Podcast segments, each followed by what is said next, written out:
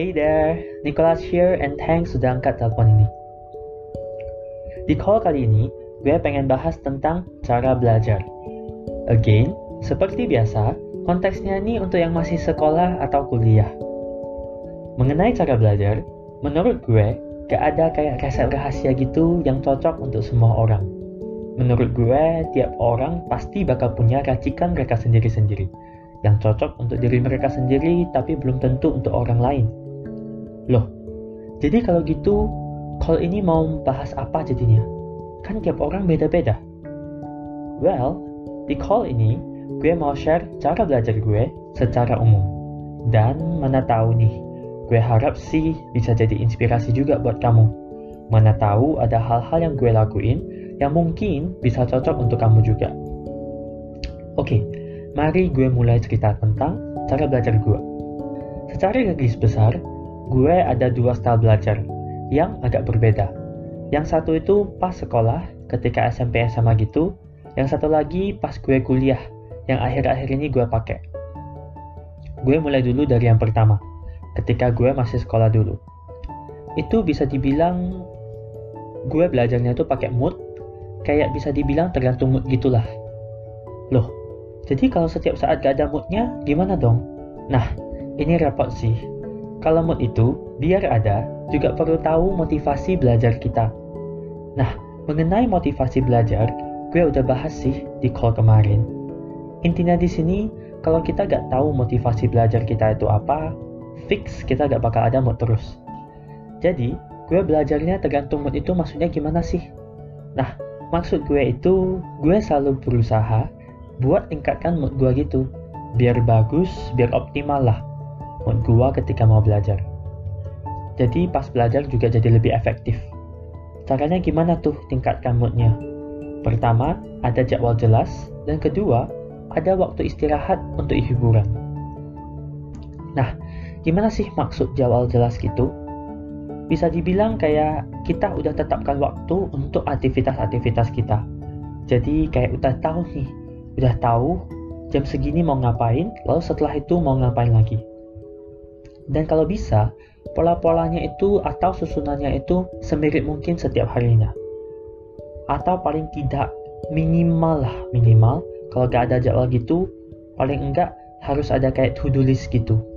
List hal-hal yang perlu lu kerjain. Ini ditaruh di tempat yang gampang lu akses. Untuk zaman sekarang sih kemungkinan besar paling cocoknya itu di HP Gue sendiri sampai sekarang juga masih simpen list seperti ini. Mungkin sebagai contoh, gue bakal cerita dikit ketika gue SMA dulu. Seperti pada umumnya, kalau pagi pasti sih udah di sekolah lah ya. Lalu kalau siang gitu, antara masih di sekolah karena ada les sore atau pelajaran tambahan, atau udah ke bimbel gitu. Nah, jadi ini udah kebantu sedikit nih dari segi ngatur jadwal karena udah antara di sekolah atau bimbel itu kan udah makan lumayan banyak waktu kita gitu udah ada jadwal jelasnya gitu dan kalau ketika pelajaran di sekolah gitu atau bimbel gue udah fix fokus belajar. Jadi gak bakal bolos-bolos gitu atau bahkan main-main gak serius. Jadi gue usahain untuk bener-bener fokus belajar di saat-saat itu. Jadi yang perlu gue ngatur sendiri itu tinggal waktu setelah gue pulang sekolah atau weekend. Atau ya atau ketika udah pulang bimbel lah basically di waktu-waktu selain jadwal tersebut. Nah contoh kecil yang perlu gue atur itu tentunya ngerjain PR dari sekolah. Nah untuk hal ini gue biasanya selalu coba ngerjain atau selesaikan secepat mungkin. Biasanya gue ngerjainnya itu kadang pas jam makan siang kalau lagi gak ada kegiatan-kegiatan lain atau kadang ketika pelajaran tapi gurunya cuma ngasih tugas gitu dan gue udah selesai. Atau bahkan di bimbel terkadang gue juga ngerjain PR sekolah. Setelah selesain ngerjain soal-soal latihan dari bimbel gue. Atau pokoknya kalau ada tugas apa pun itu gue udah kelarin dulu. Dan kalau ada waktu luang gue biasanya bakal lanjutin kelarin PR yang ada di sekolah baik tugas sekolah atau tugas lain kalau masih ada. Nah jadi intinya itu ketika di sekolah atau bimbel dan ada waktu luang gue bakal gunain untuk ngerjain PR itu. So ngapain sih gue ngerjainnya buru-buru banget? Karena gue pengennya tuh pas pulang ke rumah gitu, gue udah bisa tinggal nonton drakor, film atau YouTube gitu.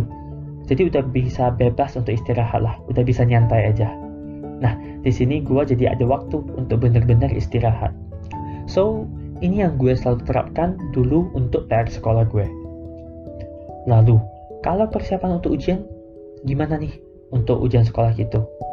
Nah, kalau untuk persiapan ujian sekolah, gue selalu utamakan kuasai dulu pelajaran mafia, matematika, fisika, kimia. Jadi ketika di sekolah dan di bimbel, gue selalu ngikutin pelajarannya dengan serius. Gak boleh sampai ketinggalan. Diusahain untuk bisa lebih cepat atau minimal gak ketinggalan dari topik yang sedang diajarkan di sekolah. Kenapa begitu? Karena menurut gue, pelajaran-pelajaran ini lebih cenderung ke pemahaman konsep dan logika. Sehingga nih, kalau misalnya belajarnya buru-buru, mepet-mepet ketika dekat mau ujian, bakal kurang efektif. Karena nantinya jatuhnya itu jadi hafal, bukan, di, bukan dipahami gitu. Dan waktu untuk latihan soal juga jadi lebih sedikit dan diperparah lagi, pelajaran-pelajaran mafia ini matematika, fisika, kimia sering berhubungan satu sama lain antar topiknya gitu. Misalnya, apa yang lu pelajari di kelas 1 SMA kemungkinan besar bakal ada kaitannya atau dia itu kayak dasarnya gitulah untuk topik-topik yang ada di kelas 2 SMA atau 3 SMA. Bahkan nih, menurut gue, hal-hal yang dipelajari di SMP itu juga sebenarnya merupakan dasar konsep yang sangat penting untuk topik-topik di kelas SMA gitu, kelas 1 atau kelas 2 SMA gitu. Sebab itu gue selalu bilang, paling bagus itu belajarnya itu udah harus bener mulai dari SMP, sehingga ada fondasi yang kuat. Fondasi atau pemahaman dasar yang kuat inilah yang jarang gue lihat ada di pelajar-pelajar Indo, atau mungkin pelajar-pelajar pada umumnya. Lalu ketika topiknya udah makin berat nih, misal ketika SMA atau mau masuk kuliah, baru terasa banget efeknya. Bakal ngerasa pelajarannya jadi sulit banget dan gak bisa dipahami. Ini gak heran sih, karena fondasinya sekali lagi belum kuat. Sehingga ketika konsepnya udah digabung-gabung gitu dan semakin berat, jadi kewalahan. Dan proses belajarnya itu untuk hal-hal ini gak sebentar, perlu waktu yang lama. Karena untuk benar-benar memahami konsep itu perlu waktu. Dari pengalaman gue sendiri, Ketika mau memahami konsep ini, bagian paling makan waktu. Kenapa? Karena harus banyak baca dan renungkan itu konsepnya itu sendiri gitu. Benar-benar kita harus baca dan benar-benar renungkan sendiri untuk benar-benar meresapi dan memahami apa yang kita baca. Kadang perlu juga ngulik-ngulik sendiri kayak konsepnya itu atau rumus-rumus yang ada. Inilah yang jarang mau orang lakuin. Belum lagi ditambah dengan kerjaan soal latihan yang banyak. Jelas banget di sini, ini perlu waktu yang gak sedikit. Oke, okay, next. So, gimana nih untuk pelajaran-pelajaran lain? Misalnya, biologi, sejarah, PPKN, dan sebagainya. Nah, untuk pelajaran-pelajaran seperti ini, bisa dibilang gue hampir selalu belajarnya itu SKS, alias sistem kebut semalam. Jadi, misalnya kayak pelajaran PPKN, ketika kelas, gurunya jelaskan ya gue nyatet aja atau tandai aja yang penting-penting. Hafalnya itu gue selalu lakuin satu hari sebelum ujiannya. Ya gue takar-takar juga lah. Kalau misalnya ujian biasa, itu kan topiknya gak terlalu banyak. SKS bisa lah. Kalau UAS gitu, topiknya lebih banyak kan karena udah dikumpul gitu. Gue mungkin akan baca-baca dulu sedikit misalnya satu minggu sebelum ujiannya. Tapi lebih sering sih gue selalu hafalinnya itu tetap satu hari sebelumnya satu hari sebelum ujiannya. Karena gue tahu, gue bakal lupa juga kalau jauh-jauh hari udah gue hafalin. Jadi ya mending gitu aja, SKS aja. Untuk biologi, itu yang kadang lebih banyak hafalannya. Tapi gue juga masih tetap SKS. Kadang sampai pagi. Sering sih sampai pagi itu, actually. Ketika kelas 3 SMA, itu yang menurut gue agak parah, karena itu belajarnya rata-rata sampai jam 4 pagi. Sekarang gue pikir-pikir, ekstrim juga sih. Tapi ini yang menurut gue efektif untuk gue sendiri. Karena menurut gue, pelajaran-pelajaran ini cenderung ke hafalan, dan jujur aja, gue juga kurang suka. Uh, jadi, belajarnya selalu SKS saja, and it work for me. So, gue lanjutin aja cara-cara seperti itu selama gue sekolah SMP dan SMA gitu dulu. Again, disclaimer. Di sini gue share cara yang gue pakai dulu. Bukan berarti ini yang paling bagus, apalagi paling benar No, gue cuma pengen share mana tahu nih bisa bermanfaat atau menginspirasi. Alright, so itu tentang SMP dan SMA. Next, kuliah. Sedikit berubah ketika kuliah. Yang paling beda itu gue sekarang kuliah gak pernah SKS lagi. Kenapa? Karena gue takut gak bisa bangun. As simple as that. Hmm. Misalnya nih, kayak tadi, gue cerita tuh kan, gue belajar biologi bisa sampai jam 4 pagi. Dan karena dulu masih tinggal di Indo, masih di rumah sendiri, ada yang bisa bantu bangunkan. Biasanya orang tua gue bisa bantu bangunkan gue gitu. Jadi gak bakal telat nih ke sekolah. Soalnya gue tuh tipe yang kalau udah tidur, alarm bunyi atau bahkan suara kenceng kayak konser itu, gue juga tetap sulit untuk bangun. Masih bisa tertidur pulas lah sering banget. Jadi ketika kuliah ini kan udah rantau, ngekos sendiri juga. Nah, gue takut banget kalau gue tidurnya telat gitu, gue bangunnya juga jadi telat. Kan repot kan? Nilainya jadi nol, kan tuh lebih kacau. Walaupun udah bisa, jadi juga gak ngaruh gitu walaupun udah bisa. Masih mending nih pergi ujian seadanya, minimal bukan nol. That's why, sejak kuliah, gue ganti strategi gue sedikit. Sekarang bisa dibilang gue belajarnya itu selalu ngikutin kelasnya atau gue pelajari ketika minggu tenang. Nah, di sini ada beda sedikit lagi. Dulu ketika sekolah, di sekolah gue dulu itu gak ada yang namanya minggu tenang. Kalau pas kuliah sekarang, ada yang namanya minggu tenang. Reading week sebutannya.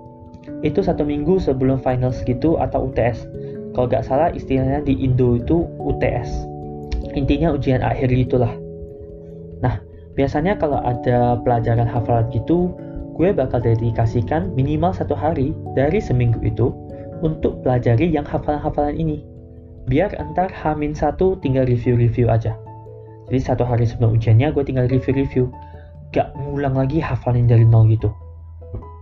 Lalu karena kebetulan gue kuliahnya jurusan komputer juga, jadi banyak matkul gitu yang cenderung lebih ke logika.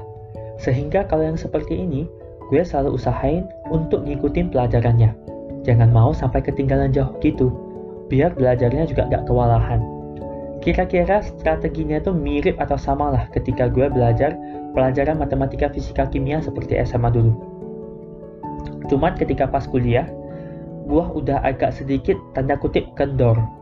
Karena juga udah mulai banyak aktivitas lain kan, kayak tugas kelompok, kerja, beres-beres kamar, bersih-bersih, dan sebagainya. Jadi gue udah jarang banget lah buat lebih cepat dari topik yang sedang diajarkan. Gue sekarang lebih ke ngikutin aja setiap minggu, jangan sampai ketinggalan gitu. At least jangan sampai ketinggalan jauh. Paling-paling buffernya itu misalnya satu minggu doang ketinggalannya. Habis itu usahain secepat mungkin tuh mengejar ketertinggalan itu. Jangan sampai menumpuk-numpuk makin lama makin menggunung gitu. So far sih strategi ini oke-oke aja, fine-fine aja, so far so good. Dan gue rasa cocok lah dengan gue. Next, tugas kuliah. Kalau dari segi tugas kuliah, gue juga masih pakai strategi gue yang dulu. Selalu mulai ngerjain secepat mungkin. Gak harus langsung selesai, karena kadang juga agak sulit, atau memang gak bisa langsung selesai. Tapi gue selalu usahain untuk mulai dulu. Biar udah tahu nih konteksnya gimana, udah oke okay lah. Udah paham apa yang mau dikerjakan, atau apa ekspektasinya. Dan setelah itu usaha ini secepat mungkin untuk selesaikannya. Jangan nunggu sampai dekat deadline. Karena kadang ada aja hal-hal yang tak terduga. Jadinya kalau misalnya kita mulainya dekat deadline atau kita nunda-nunda, dan terjadi nih ada hal-hal tak terduga, nah bakal repot tuh. So, gue selalu nih mulai awal dan usahain kelar secepatnya. Kalau misalnya masih ada waktu nih sebelum deadline, ya tinggal revisi-revisi aja. Entar tinggal dikumpul. Jadi gak panik lagi atau apa gitu ketika dekat deadline. Jadi so far, selama gue kuliah gitu, gue jarang banget begadang mendekati deadline. Kayaknya gak pernah deh begadang karena deadline. Kalau begadang atau tidur telat karena tugas itu pernah, tapi itu biasa masih jauh dari deadline. Lah, kenapa begitu? Kan masih jauh nih deadline-nya. Kenapa begadang gitu? Kan gak perlu gitu kan? Mungkin gue cerita sedikit nih kenapa gue biasanya begitu. Karena kan gue kuliah komputer nih tugasnya banyak yang coding gitulah cenderung lebih ke coding-coding gitu. Bagi yang kuliah atau belajar komputer, pretty sure gue lumayan pasti udah tahu hal ini. Ketika kita coding gitu atau tugas coding, kadang ada hal-hal aneh aja yang bisa buat program kita gak jalan atau error. Jadi kadang kalau ada masalah gitu, gue selalu usahain secepat mungkin untuk perbaikinya. That's why kadang jadi begadang gitu. Gue gak mau nunda sampai besok itu untuk perbaikinya. Sebisa mungkin gue perbaikinya gitu, langsung kelar, biar besoknya itu gak usah habisin waktu untuk perbaiki uh, masalahnya tadi. Jadi besoknya itu udah bisa lanjutin tugasnya itu, udah benar-benar bisa lanjutin fokus kerjaan tugasnya. So ya, yeah, ini yang gue lakuin so far karena gue tipe yang kurang suka nih atau stres ketika dekat deadline gitu. Gue gue kurang suka lah kayak ketika udah dekat deadline masih stres ngerjain tugas-tugas ini. Resikonya terlalu tinggi menurut gue kalau ngerjainnya dekat deadline. Jadi gue selalu ngerjainnya tuh eh, secepat mungkin dan usahain secepat mungkin kelarin tugas-tugasnya. Dan kalau misalnya ada waktu, tinggal revisi-revisi sendiri kalau perlu. So far, cara ini yang gue suka dan nyaman. Well, kurang lebih seperti itu cara belajar gue. Walaupun terbagi dua, sebenarnya gak terlalu berbeda juga. Yang paling signifikan itu bedanya itu di SKS saja. Karena sekarang gue udah takut takut telat bangun dan juga matkul atau pelajaran-pelajaran gue udah jarang ada yang hafalan. That's why gue udah gak SKS lagi untuk saat ini. Untuk akhir-akhir inilah ketika kuliah. Itu yang gue lakuin cuma ketika SMA doang intinya itu dari cara belajar gue itu gue selalu usahain untuk bener-bener pahami konsepnya karena ini yang menurut gue penting dan ketika mau memahami konsep itu makan waktu kan. Sehingga menurut gue harus mulainya itu harus cepat. Jadi kita gak boleh nunda-nunda kita gak boleh numpuk-numpuk gitu. Karena kalau udah numpuk udah, udah deket deadline atau ujian itu biasanya kita udah buru-buru dan menurut gue gak bakal cukup lah waktunya atau kita mindsetnya itu udah gak bakal mau memahami konsepnya. Bakal jatuhnya itu ujung-ujungnya jadi hafal aja, yang penting bisa ujian. Dan ini menurut gua kurang bagus karena kalau setiap kali kita belajar dengan begitu, efeknya itu jadi menggulung gitu. Konsepnya gak dipahami, konsepnya gak dipahami, jadi ketika pelajarannya makin berat, juga terasa makin berat. Karena again, fondasinya nggak kuat. That's why, menurut gua yang paling penting itu kita harus pahami konsepnya. Sebenarnya dari call ini, dari apa yang gue ceritain so far, intinya itu lebih ke pahami konsep, terutama untuk pelajaran-pelajaran yang ada logikanya. Kecuali untuk hafalan, ya itu sedikit berbeda lah memang. Alright, so yeah, I guess that's about it. Uh, gue rasa itu aja untuk call kali ini.